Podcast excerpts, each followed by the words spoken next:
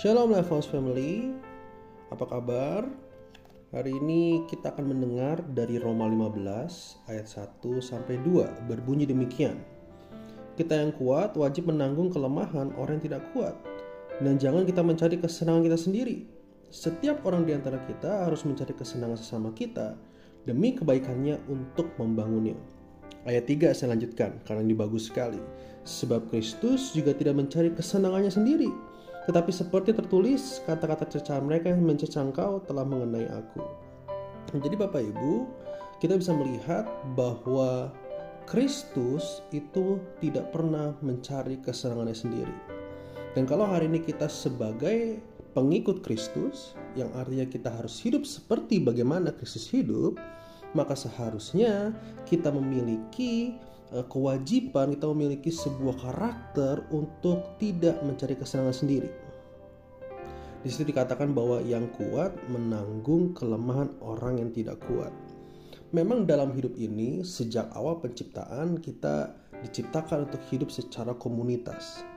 Di mana di dalamnya ada ada ada saling saling melayani, saling mengasihi dan lain sebagainya Terlebih lagi di dunia yang kita yang yang serba tidak adil ini, dunia kita yang semakin gelap, dunia kita yang tidak tahu akan kasih yang benar itu. Nah, setiap kita dipanggil untuk bisa melihat kebutuhan orang lain.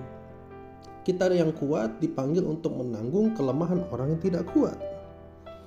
Oleh sebabnya, menjadi pengikut Kristus tidak pernah dipanggil untuk memikirkan dirinya sendiri tidak pernah kita dipanggil untuk hanya egois memikirkan kebutuhan kita sendiri. Tidak pernah demikian.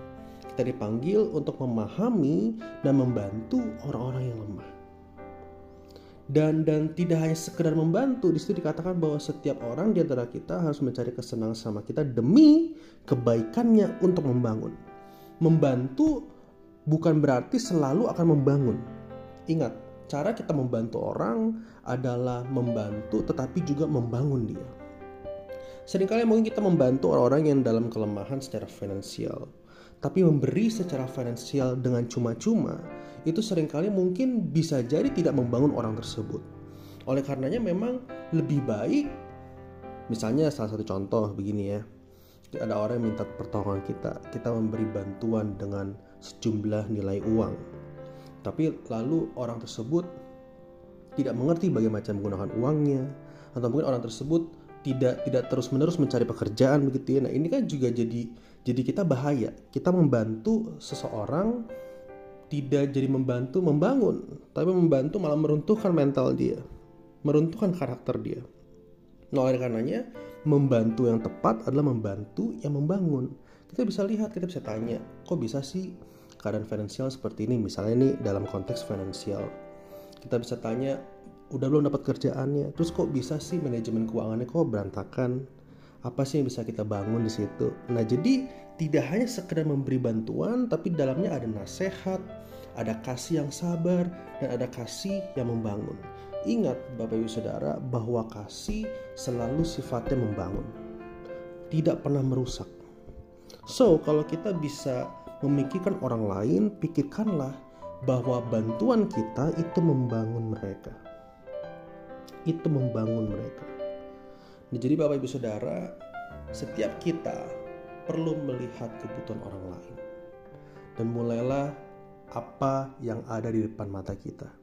Setiap kebutuhan siapa pun yang di depan mata kita dan saya percaya Tuhan izinkan itu eh, terlintas di depan mata kita, nah maka bantulah mereka jangan egois karena kita hidup dalam komunitas dan tunjukkanlah kasih itu karena Yesus berkata ketika engkau saling mengasihi engkau sudah menunjukkan kepada dunia bahwa engkau adalah murid-murid Kristus.